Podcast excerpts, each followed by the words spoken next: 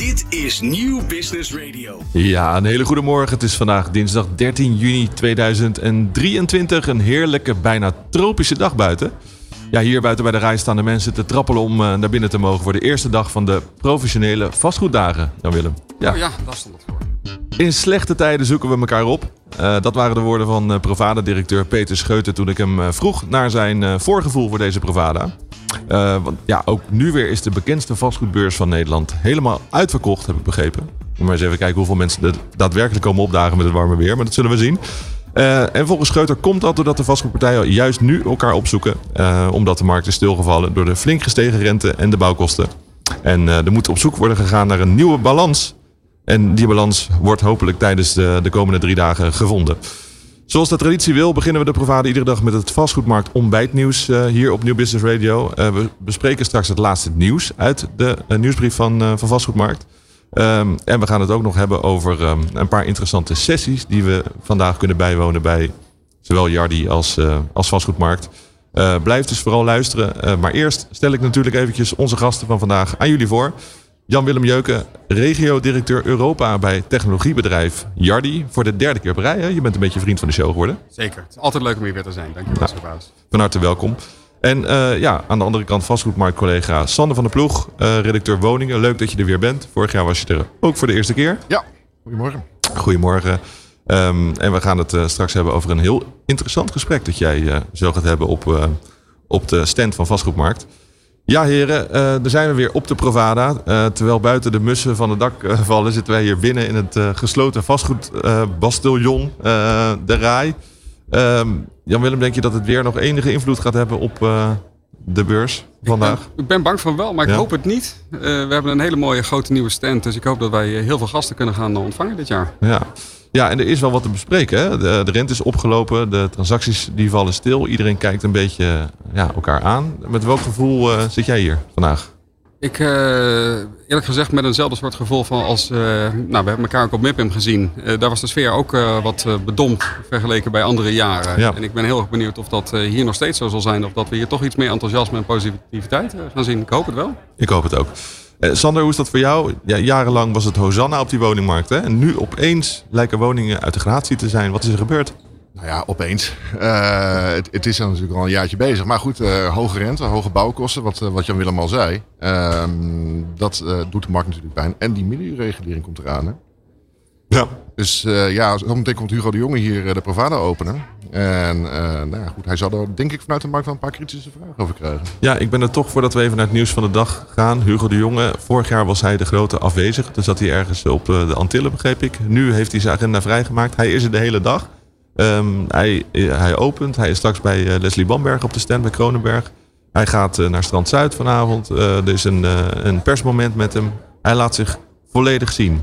Is dat toch een soort teken van goodwill, denk jij, Jan-Willem? Nou, ik denk dat het prijzenswaardig is dat hij zijn gezicht laat zien en dat hij zijn beleid kon verdedigen. Maar ik ben ook heel erg benieuwd of mensen de messen geslepen hebben en een paar uh, een hele moeilijke, lastige vragen gaan stellen. Zou ik op zich best leuk vinden. Jij verwacht vuurwerk uh, bij Kronenberg? Ik ga zeker even kijken bij Kronenberg straks. Ja, zeker. Ja, Oké, jij Sander, wat denk jij? Ja, ik ga er ook uh, absoluut naartoe. Um, maar of het vuurwerk wordt, ik weet het nog niet. Ik bedoel, uh, Hugo de Jong is een goede prater, een gladde prater ook. Dus, uh, en hij weet ook precies wat hij gaat zeggen. Ik denk dat het ook grotendeels ook wel redelijk ingestudeerd is. Maar er komen vragen vanuit de markt, dus ik ben benieuwd. Ja, hij heeft een beetje dat teflonlaagje van, ja. van Rutte heeft hij ook overgenomen. Hè? Dus het is vrij lastig om hem, om hem te pakken. Ja. Wat dat betreft. De Teflon Don, zou je hem zo willen noemen? De Teflon Don. Nou, we hebben gelijk al een goede quote hier te pakken op. Uh, en de Provada is nog niet eens begonnen, dames en heren. Dat gaat helemaal goed komen. Uh, over dons gesproken. Uh, er is een flinke don heen gegaan. toch wel een markant figuur. Silvio Berlusconi. 86 jaar. Gisteren overleden aan, aan uiteindelijk leukemie. Um, persoonlijk schrok ik ervan, want ik dacht, ja, als er iemand toch onsterfelijk zou kunnen zijn, dan, dan moet hij het toch zijn geweest. Um, maar nee, hij is toch echt heen gegaan. En ja, waarom hebben wij het over Silvio Berlusconi? Omdat we, wij kennen hem natuurlijk in Nederland vooral als uh, ja, toch wel een pittoresk, of nou ja, pittoresk, een flamboyante uh, premier. Een man die de schandalen achter zich aan sleepte. En die ook vrijwel overal mee weg leek te komen. Dus dan denk je, nou, dan zal hij ook wel aan de dood ontsnappen. Dat is dus niet gelukt. maar de man is ook een bekend en zeer succesvol vastgoedondernemer geweest. Al vele decennia lang. Ehm, en daar heeft hij eigenlijk zijn kapitaal mee verdiend. Dus dat is toch wel even noemenswaardig hier op, op de vastgoedbeurs Bravada. ben ik toch wel eventjes benieuwd naar jullie. Ja, eigenlijk, waar was jij toen je het hoorde, Jan-Willem? Ik was onderweg naar huis gisteren toen ik het hoorde. Ik was niet heel erg verbaasd. ik dacht dat Johan Cruijff onsterfelijk was. Dat was mijn grote held. ik moet ook eerlijk bekennen, ik zie, of ik zag Silvio vooral als, als mediamagnaat. eigenaar van Mediaset, daar kende ik hem van. En het was natuurlijk de voorzitter van AC Milan. de club waar mijn grote idool van vroeger Marco van Basten groot is geworden. Het gouden trio. Uh, dat is vooral hoe ik Silvio Berlusconi zal herinneren. En alle Boonga Boonga escapades zullen we maar eventjes achterwege laten. Ja, ja dat is toch zonde eigenlijk. Want uh, uh, ja, ik zei gisteren op de redactie tegen jou... Berlusconi is verantwoordelijk voor eigenlijk het Leidse Rijn van, van Milaan. Hij heeft in de jaren 60 heeft hij een groot stuk land kunnen kopen in Milaan. En daar heeft hij flink ontwikkeld. heeft hele buitenwijken uit de grond gestampt van, van Milaan. En heeft hij ongelooflijk veel geld mee, mee verdiend ja, dit zijn dingen die... Uh, jij woont in Leidse Rijn, vandaar dat ik het met jou erover had. Leidse Rijn van Milaan. ja. Hoe, hoe heet die wijk? Ik ben er nog nooit geweest. Uh, Milano Due, dus Milaan 2. Okay. Dus, uh, Berlusconi is natuurlijk altijd iemand van de grootspraak geweest. Dus hij zegt, ik ga gewoon het tweede Milaan uh, hier bouwen. Mm. Um, maar goed, het is... Um, ja, misschien toch hebben we wel, toch wel iets meer van dit soort markante... Kijk, hij is natuurlijk de laatste jaren zijn de schandalen en is het heel erg uit de hand gelopen. Maar deze man heeft op vastgoedgebied toch uh, veel, veel gedaan. Hebben we niet meer van dit soort figuren nodig, ook in Nederland? Nou, ik weet het niet hoor. Ik bedoel, als je een, een, een groot vastgoedfiguur in Nederland zou hebben op Berlusconi-niveau. Uh, ik weet niet of dat het imago van het vak echt heel erg uh, goed gaat doen. Maar daar zitten we ook nog mee natuurlijk. Ja, ja, ja, ja. Want vastgoedbelang is met een imago-verbetercampagne begonnen. Ja, klopt ja. ja, ja, ja. Dus daar, ze zitten niet te wachten op een, uh, op een nieuwe Berlusconi van de Nederlandse vastgoed. Nou, nee, nee, nee. Ik, ik, sprak met vastgoedbelang vorige week en ze zeiden ook van ja, het, het imago dat uh, vastgoedbeleggers hebben zijn multimiljonairs met uh, een grote sigaar in de mond met echt nul maatschappelijke binding. En, ja. en dat klopt niet? Nee, dat vinden zij van niet, nee. Ah, en wat, wat vind jij?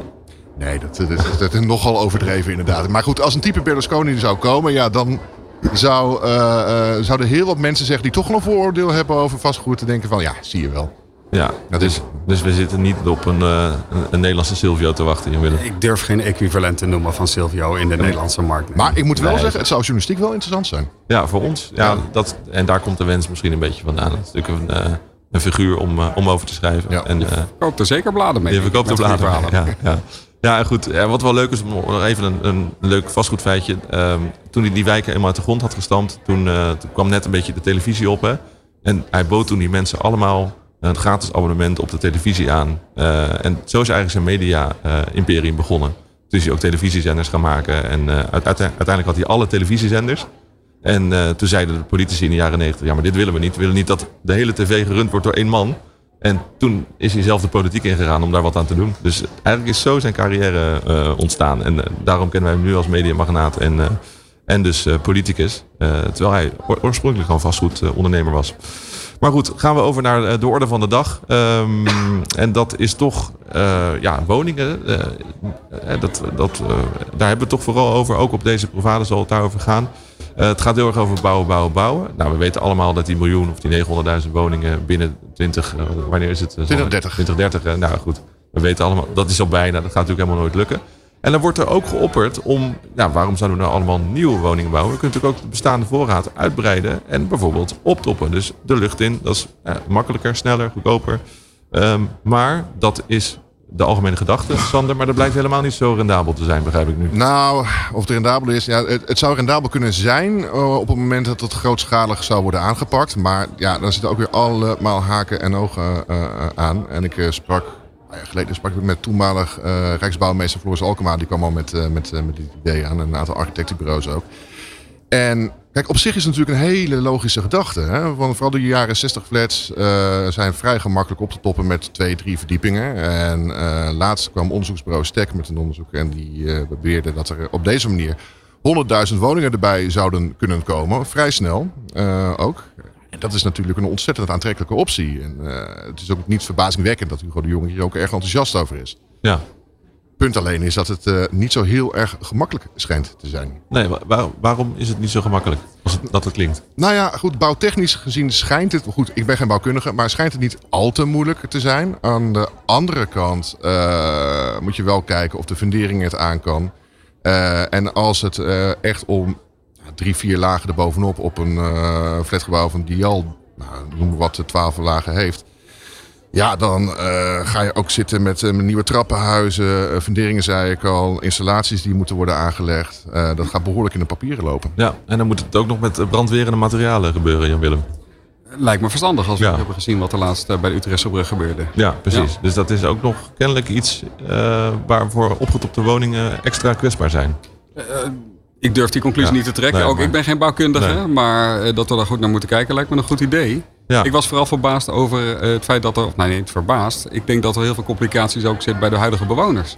Als ik lees dat er 100% ehm, toestemming van de VVE moet komen, oh ja, dan wens ik iedereen heel veel succes. Want als ik bij mijn eigen VVE kijk, dan is er al uh, ruzie en oorlog over een tuinhuisje dat iemand wil gaan plaatsen in de binnentuin. Dus qua procedures is dit ook niet een hele uh, makkelijke oplossing. Dus, uh, Lijkt erop van niet, maar 100.000 extra woningen. Ik kan me voorstellen dat de minister denkt, hele goede optie, laten we dat doen. Nou ja, goed, aan de andere kant zou je kunnen zeggen, kijk, als er meer woningen bij komen in jouw VVE, dan zou jouw VVE-kosten ook naar beneden kunnen gaan, want dan zijn er meer bewoners. Ja, win-win. Had ik nog niet over nagedacht. Goeie. Goeie. Maar ja, goed, jij, werkt bij een technologiebedrijf. Jij bent van de toch wel de makkelijke, of in ieder geval de oplossingen die efficiënt zijn. Hè? Dat, dat is wat vaak wat technologie doet. Uh, als je kijkt of een miljoen woningen bouwen, of we kunnen in die bestaande voorraad een paar uh, maatregelen doen, waardoor we opeens veel meer woningen erbij krijgen. Bijvoorbeeld woningen door midden. Dus uh, we zagen laatst een bouwproject. Dat kon niet uit. En toen heeft die ontwikkelaar de woningen gewoon. Hè, wat waren eerst één woning van 90, nu twee van 45. Die verkochten wel. Nou, en dan extra woning uh, erbij voor de voorraad. Win-win, zou je zeggen. Nou, daar ben ik helemaal voor. Om dat splitsen weer uh, ruimer te maken. Ja, dat weer splitsen, optoppen. Zeker, ja. Ja, ja. dus... Uh... Splitsen, optoppen, uh, misschien een extra straat in elke wijk erbij, zoals ik ook wel eens gehoord heb. Ik denk dat dat betere opties zouden zijn ook. Ja, dat was geloof ik een onderzoek dat, dat we dat eigenlijk willen. Hè? Alle Nederlanders willen een straatje erbij. Ja, daar komt bij het Economisch Instituut voor de Bouw vandaan. Ja. We hebben natuurlijk ook een klein belangetje erbij. Laten we, dat, klein. laten we daar wel gewoon eerlijk over zijn. Maar inderdaad, dat is een, eh, een, een, op zich zou het een snelle manier kunnen zijn. Inderdaad, een extra straatje erbij aan de randen van de stad. Ja, ja. en wat is, even, even kort, wat is volgens jou de oplossing dan? Waarschijnlijk een combinatie van, maar... Nou ja, goed, je maakt uh, gras al voor, mij, voor mijn voeten ja. weg. Inderdaad, een combinatie van. Kijk, nou goed, het, het, het, probleem is dat de grootschalige uitbreidingswijken, dat ligt allemaal moeilijk in Nederland. We hebben daar bij Vastgoedmarkt een tijdje geleden ook een, een, een verhaal over gemaakt. Uh, polders die volgebouwd zouden kunnen worden. Ja. Uh, maar goed, dan zit je met, met stikstofdepositie, uh, slappe grond waar we mee te maken hebben, natuurwetten. Ehm, het, het, gaat allemaal niet zo gemakkelijk. Het is niet zoals bij de Phoenix-tijd in de jaren negentig dat er gewoon grote lappen grond werden aangewezen. Oké, hier gaan we bouwen. Hier gaan we het ook grootschalig bouwen. Uh, dat zit er nu niet in. Nee, er is geen makkelijke oplossing, Jan Willem. Als jij in de schoenen stond van uh, Hugo, dan zou je misschien een ander aantrekken. Maar, ik zou Leidse Rijn nog een keer kopiëren. Waarom ja? niet? Ja, ja, Laten we weer voor die ouderwetse Phoenix-oplossing gaan. Waarom niet? Toch een beetje de Berlusconi-methode toepassen. Zeker. Een klein beetje. Wil jij het doen? jij spreekt Italiaans. Zie. Oké. Okay. Um, optoppen ja, uh, we blijven het toch eventjes over die woning hebben. Want uh, nou, Hugo de Jonge die is hier vandaag, dat weten we allemaal. Uh, we weten ook allemaal dat hij met een, een reguleringplan is gekomen. De middenhuur, de bekende middenhuur. Is eigenlijk een segment bij. We hadden sociale huur, vrije huur en nu hebben we ook nog middenhuur. Um, dan wisten we ook dat dat wat complicaties met zich mee zou brengen. Uh, een van de complicaties is, en dat zien we nu, Sander, uh, dat er toch ook wel beleggers zijn die zeggen: ja, maar onder deze omstandigheden haal ik te weinig rendement dan, uh, dan ga ik wat anders doen. En dat we dat bij particulieren zagen, oké. Maar we zien het nu ook bij de pensioenbeleggers. Ja, de pensioenbeleggers hebben natuurlijk ook te maken met uh, zaken als hoge rente en hoge bouwkosten. Uh, dat is iets waar de minister niks aan kan doen. daar moet ook eerlijk over zijn. Maar inderdaad, de rendementen staan wel onder druk. En pensioenbeleggers zeggen, goed, wij, wij beleggen geld met een mandaat van een pensioenfonds. Dus daar moet wel een bepaald rendement tegenover staan. En als we dat rendement niet kunnen halen, ja, dan, dan zetten wij eventjes een klein stapje terug. En dan gaan wij geld in, in andere assets beleggen. Ja, en dit, dit, verhaal horen we al best wel een tijdje. Dat dat gaat, uh, gaat gebeuren. Of de pensioenbeleggers dreigen ermee. Maar ja. je hebt nu een aantal concrete voorbeelden volgens mij van pensioenbeleggers. Die ook echt daadwerkelijk hun geld anders gaan allokeren. Ja, nou, vorige, vorige week kwam Victor van Bommel van Orange Capital Partners met een verhaal in de Telegraaf. Overigens verhaal waar hij vorig jaar ook mee kwam. Uh, dat uh, zijn nou, funders ook steeds meer naar het buitenland gaan het ligt volgens mij al twee, drie jaar geen cent meer in Nederland. Wat dat betreft in Nederlandse woningen tenminste. Ja. En hij waarschuwt. Kijk, die pensioenbeleggers leggen tezamen ongeveer 11 miljard in in uh, Nederlandse woningen. Kijk, en als die 11 miljard niet in de Nederlandse woningmarkt wordt gestoken, dan kan dat theoretisch tienduizenden woningen schelen. Ja, ja, ja. Die dus niet worden gebouwd. Nee. En collega Peter Hanf had een interview met uh, Boris van der Grijp van Achmea Real Estate. En hij, hij vertelde ook iets over ja, dat er toch wel minder geld naar die woningen gaat nu. Nou ja, Boris van der Gijp vertelde aan Peter dat uh, Achmea steeds meer moeite heeft om kapitaal te verwerven voor de Nederlandse woningmarkt, voor de bouw van, uh, van nieuwe woningen. Uh, ze willen wel hun, nou, hun budget gaan verdubbelen naar 25 miljard. Maar of dat in woningen wordt gestoken, ja, dat is heel erg twijfelachtig. Ik geloof dat het 1 miljard gaat naar, de, naar nieuwbouwwoningen en ja. 3 miljard naar bestaande woningen die worden verduurzaamd. Maar goed, dat is wel een langdurige impactfonds. Dat is toch wel bijzonder, uh, Jan-Willem. Dat is toch een, een, een asset woningen waar jarenlang was dat een no-brainer. En, en dat is nu plotseling toch, toch anders. Ik, uh, zie jij daar toch echt het beleid van Hugo de Jong een grote rol in spelen? Dat idee krijg ik wel, ja. ja. Als ik, uh, als ik mijn, mijn klanten en mijn prospect spreek, dan krijg ik vooral te horen dat mensen het lastig vinden om in Nederlandse woningen te gaan beleggen. Omdat, ja, het wordt, ik zeg het maar gewoon hardop, onbetrouwbare overheid komt er voorbij. Want ja. je kan er niet, niet op vastpinnen. Ja. En ik kan me voorstellen dat een partij als een Heimstade uh, daar ook heel veel moeite heeft met het businessmodel dat zij hebben. Uh, daarom vind ik het wel gaaf om te zien dat een Achmea Real Estate gewoon zegt... we gaan wel 3 miljard uitgeven. Mm -hmm. We investeren in bestaande Nederlandse woningen. En die gaan we verduurzamen, echt voor het maatschappelijk belang. Het is jammer dat het nog maar de helft is, maar ik vind het wel gaaf dat ze het blijven doen. Ja, Iemand moet de economie weer zwaar aanjagen. Zo is dat. Tegelijkertijd had het ook veel meer kunnen zijn dan die 3 miljard. Ja, maar dan kom je wat Sander zegt bij de pensioenfondsen en de rendementen uit. En ja. uh, we kunnen zeker de minister niet overal de schuld van geven. Maar linksom of rechtsom, de pijn zal gevoeld gaan worden. Ja. Is het een verhaal dat je veel bij klanten hoort, maar die onbetrouwbare overheid, of hebben jullie als Jardi daar ook uh, last van? Nou ja, ik, uh, ik, spreek veel met buitenlandse investeerders inderdaad. En die mm -hmm. zeggen, we maken even pas op de plaats voordat wij weer flink gaan allokeren in Nederland in de woningmarkt. Zeker. Ja, ja. ja, ja. en hoe raakt dat jullie? Uh, dat raakt ons op zich niet heel Indirect hard. meer. Indirect ja. meer inderdaad. Wij komen toch altijd wat later als de woningen weer eenmaal staan. Of als ze ontwikkeld worden en ze moeten verhuurd gaan worden. Dan komen ja. wij in beeld. Um, ik zie wel veel partijen investeren in student housing. Ja, dat is leuk dat je dat zegt. Want dan kan ik een heel leuk bruggetje uh, maken. Want jullie hebben volgens mij een, uh, een sessie organiseren jullie uh, vandaag. Nee, die is morgen. Of die is morgen, sorry. Ja, die is morgen over studentenhuisvesting. Klopt, ja. Um, wij hebben een hele leuke sessie. Wat wij noemen een fireside chat. Ja, dat is uh, lekker met dit weer. Heerlijk, waarom niet? Dan ja. laat ik het heel warm. dus uh, shirt, dus, shirt uit en ja, uh, lekker bij, bij, de open haard gaan zitten. Nee, de sessie heet Studentenhuisvesting, een blauwdruk voor woningbeheer. we spreken daar met de CFO van de Student Experience, Duco de Jong. Business Transformation Director van Xior Student Housing. Uit België komt ook deze kant op. ik denk dat we een hele leuke sessie gaan doen waarbij we praten over het verschil tussen studentenhuisvesting en wat bijna meer hospitality geworden is dan regulier woningbeheer. En is dat nou de toekomst? Uh, nou, ik heb er eerder Victor van Bommel van OCP dan gehoord over dat, dat woningconcepten in andere landen heel anders zijn. We hebben recent gezien dat Redefco neemt Live Europe over. Dat wordt dan uh, Redefco Urban Living bijvoorbeeld. Mm -hmm. ja, ik zie steeds meer van dat soort concepten komen. Ook als ik in mijn werk zie de, de RFP's die binnenkomen, zeg maar, als mensen informatie willen uitvragen, dan zitten we steeds verder die kant op. Dus ik zie wel ja. een switch van uh, meer hospitality in normale woningen. En ook een Achmea doet dit hè, met senior housing. Ja, dat is natuurlijk wel echt een verandering. Omdat ja, tot voor kort was je gewoon blij als je überhaupt een woning kreeg. Hè, dat, dat je gewoon een paar muren en een dak, dan, dan was je blij. Ja. Maar je ziet nu toch wel dat je op een gegeven moment wat te kiezen krijgt. Dat zou natuurlijk mooi zijn. Dat je op een gegeven moment zegt van ik wil zo'n woning of ik wil zo'n woning. Ja, maar dan kunnen ouderen ook bijvoorbeeld ja. uh, prima uit een gezinswoning waar ze nog steeds in zitten doorschuiven naar een, misschien een, service living concept waar ze met eigen uh, soorten en lotgenoten zitten. Mm -hmm. En komt dat huis ook weer beschikbaar voor een jong gezin dat eigenlijk ook veel meer plek zou hebben in dat, op die... Uh, een service living, is dat eigenlijk een bejaardentehuis dan? Of een, een, een chic woord van bejaardentehuis? Of? Potato, potato. Nee, ik denk, dat wat, ik denk dat er wat meer omheen zit. Ik denk dat de ouderwetse bejaardentehuizen die zullen niet meer op diezelfde manier terugkomen. Nee. Um, maar het gaat wel een beetje die kant op inderdaad. Ja. Als je alle services, je zorg kan inkopen. Kijk, en voor een Achmea Real Estate is het natuurlijk ook heel mooi. Ze kunnen mensen door uh, woonmobiliteit bieden van het normale huis waar ze misschien al 30 jaar in wonen.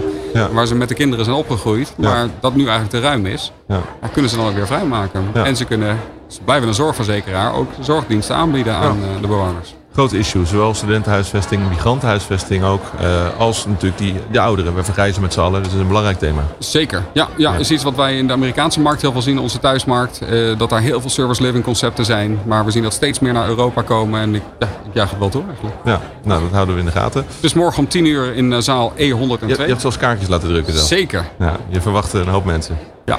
En vandaag ook nog op de vastgoedmarktstand geloof ik met Richard Gerritsen, jullie, jullie directeur. Ja, ja, ik ben even de titel van de sessie kwijt. Nou ja, dan, uh, dan moet, het, moet er gewoon komen uh, op de, op de vastgoedmarktstand. Uh, dat gaat helemaal goed komen. Kom gewoon langs. Uh, Richard Kruijsen gaat vandaag met Erik Wiegelink ook in gesprek bij ons op de vastgoedmarktstand. Uh, Sander, jij gaat ook iets uh, leuks doen vandaag. Straks al, gelijk ja. om uh, tien uur, half elf. nee, tien uur is de opening. Tien uur is de opening, kwart voor elf. Kwart voor elf. Ja. Wat ga je doen? Ik weet het titel nog wel. corporaties van de ketting. Corporaties van de ketting? Van de ketting, ja. Ik ga het over woningcorporaties hebben. Zij worden geacht tot, 2000, tot en met 2030 290.000 sociale huurwoningen te gaan realiseren. Um, en ik vraag me af of dat mogelijk is. Aan de andere kant, kijk, de situatie ziet er voor hun wel goed uit. Ik bedoel, is afgeschaft. Dat scheelt om 2 miljard per jaar. Ja. Uh, bovendien kunnen ze lenen en grond verwerven tegen voorwaarden waar menig investeerder hier jaloers op zou zijn. Dus ik ben benieuwd of dat gaat lukken. Ja, want woningcorporaties kunnen geborgd lenen. Hè? Ja. Dus die staan gerand voor elkaar en daardoor betalen ze eigenlijk een lagere, veel lagere rente. Veel lagere rente en het Rijk is uiteindelijk ook nog de achtervang. Ja. van die achtervang is overigens nog nooit gebruik gemaakt. Maar ze kunnen tot 3,5 eh, miljard op een eh, balans hebben staan ja. uh, aan geborgen leningen. Ze willen dat eigenlijk naar, naar 5 miljard gaan, gaan Ja, en corporaties hebben natuurlijk echt ontzettend veel vermogen van al die woningen die ze in de loop der jaren hebben gebouwd. Ja, maar daar mogen ze niks mee doen. Waarom mogen ze daar niks mee doen? Het zijn stichtingen. Ja, maar ze hebben, de stichting heeft er ook overwaarde. Ja, nou ja, goed. dat mogen ze, dus niet, mogen ze dus niet gaan beleggen. Dat moeten ze met eigen middelen gaan doen. Dus zij moeten die woningen gaan betalen op basis van uh, de huurinkomsten en de geborgen leningen. Ja, en hoe, hoe populair is Hugo de Jonge in uh, de kringen van de corporaties? Nou, best wel. Ja, is populair? Ja, ik denk, ja, het is jammer dat Hugo de Jonge niet bij, bij mijn sessie wilde komen. Want, ja, ja hij wilde niet, hè? Nee, hij wilde nee, niet. Nee. nee. wat, wat ik een beetje raar vind. Want we zitten vlakbij en als hij nou net zijn, zijn openingsspeech klaar heeft. Hij kwam er langs, begreep ik. Dus ja, precies, ook dat. Maar hij schijnt later deze week ergens anders al over woningcorporaties te gaan praten. En, nou, ik weet het niet. Ja, misschien schrijf je gewoon te kritisch over Hugo uh, Sander. Is dat het? Ik denk dat het ook mijn taak is om uh, kritisch Kijk, dat, dat is het goede antwoord. ja. Oké, okay, uh, kijk even naar links. We moeten een beetje gaan afronden, denk ik. Of hebben we nog eventjes. Um, wat ik altijd nog wel even leuk vind, is um, hoe je verder deze Provada gaat beleven. Wat ga je verder, behalve die sessies natuurlijk. wat hoop jij eruit te halen deze komende drie dagen? Ja, ik hoop gewoon dat het een hele leuke drie dagen gaan worden. Met veel publiek, uh, veel bekende gezichten, veel nieuwe gezichten. Uh, meerdere sessies bijwonen, zowel onze eigen uiteraard als ook de sessies van andere partijen. Uh, Misschien aan het einde van de dag nog een biertje. Mag niet te vroeg, heb ik begrepen van de organisatie. Nee, nee ik weet niet of dat een hitteplan is of dat dat uh, gewoon een nieuwe regel gaat zijn. Maar ik had begrepen dat de biertap wat later open mag tegenwoordig. Ja, hebben wij een hitteplan hier eigenlijk? We moeten eigenlijk Peter Scheuter even vragen. Uh, ik begreep wel dat er sowieso de tap pas, uh, dacht ik, na vier of half vijf überhaupt open mag. Hè? Dat, dat is een regel op de Provade. Ook om de inhoud een beetje ook nog voorrang te geven. Want anders gaat iedereen al om één uur aan pils. Dat is natuurlijk niet de bedoeling. Maar misschien dat dat nu nog later is. Ja, dat ik, ik heb het wel eens eerder gezien. Je hebt wel eens, ja, Dan half vijf. Ja, ja. maar je gaat uh, niet, uh, niet verklappen waar het was. Nee. Tuurlijk niet. Wel, wel, leuk, we hebben ook weer uh, natuurlijk Café Hoppen. of Café Hoppen. ja, Café Hoppen. Ja, is er ook weer. Dus dat wordt allemaal nagebouwd hier, deze Provade. Sander, hoe is dat voor jou? Wat, wat, wat ga jij allemaal doen? Wat hoop jij eruit te halen? Wat ga je eruit halen? Uh, ik hoop zo meteen, uh, waar we net al over hadden, in eerste instantie een leuke sessie uh, te gaan, te gaan modereren. Ehm, we gaan een podcast opnemen met, met Vastgoedmarkt over, ja. ons, over ons zomernummer. Dan ga ik wat ja. vertellen over beleggingskansen recreatief vastgoed, onder andere. Ja. Ik kom wel even kijken morgen bij, bij jou, Jan-Willem, bij, bij Jardi. Gezellig, van harte welkom. ja. Student housing, klinkt interessant. en voor de rest, ja goed, interessante mensen ontmoeten. Ik heb precies wat jij zegt. Interessante sessies bekijken. En natuurlijk uh, zometeen ook naar Kronenberg, waar Hugo de Jonge aanwezig ja. Ja, inderdaad. En dat wordt rennen voor jou. Want het is dat wordt rennen, ja. ja. Kwart voor elf is jouw sessie. En uh, we hebben wel met Leslie afgesproken dat hij een kwartiertje later begint. Waardoor jij ook uh, daar uh, kan dat is, dat is heel fijn. Dus ik zal heel snel afscheid moeten nemen van mijn gasten. Ja. En meteen doorrennen. Ja, heel goed. Ik denk dat het ook goed is om de mensen, terwijl het hier lekker vol begint te stromen op de Provade, om even te vertellen wat er nog allemaal verder gebeurt op de stand van Vastgoedmarkt in hal 11 op, op plekje 11. Uh, we hebben vandaag een aantal hele, hele interessante dingen, behalve de dingen die al genoemd zijn en de, natuurlijk het corporatieverhaal. Um, gaan we vandaag inderdaad een podcast opnemen. Maar ook gaat Ebru Umar, onze eigenlijke rising star bij Overwaarde. Overwaarde is een, um, ja, eigenlijk een start-up van vastgoedmarkt om vooral de wat kleinere particuliere beleggers van hele goede journalistiek te, te voorzien. En zij gaat met een aantal wat kleinere particuliere beleggers die in woningen beleggen, praten over de huidige omstandigheden in de markt. Super interessant. Um, dus, dus mis dat niet. Ze is uh, ervaren. Ze is ervaren, ze weet er zelf alles van. Ze is zelf ook zo'n belegger. Dus dat wordt een, een heel boeiend gesprek. Um, en verder op, op de woensdag hebben we de Executive Talks. Ehm, dat is een gesprek met de vijf grote vastgoedadviseurs in het land over de huidige stand in de vastgoedmarkt. Dus daar zullen we het ook over de retailmarkt, kantorenmarkt en de logistieke markt gaan hebben. Uh, dat is een beetje tegen de rond drie uur, dus al richting borreltijd. Dus, maar voordat je vandaag of morgen? Dat is morgen. Dat is morgen. Daar ben ik ook bij. Ja, dat is interessant. Dat is interessant en dan kunnen we daarna tijdens de borrel het lekker gaan bespreken. En op donderdag hebben we natuurlijk de uitreiking van de Young Talent Award. Die is weer terug. Dus dat, is, dat is helemaal goed. er wordt naar mij gekeken, dus ik moet gaan afronden, denk ik. Ja, helemaal goed. en sowieso kun je ook kijken op vastgoedmarktpodium.nl. En daar vind je precies het programma van vandaag, morgen en overmorgen. We gaan er een mooie beursdag van maken. Uh, het is lekker weer, daar zal het niet aan liggen. Denk misschien af en toe even naar buiten nog in Willem. Ja. En wel even insmeren. Hè? Luisteraars, heel erg bedankt.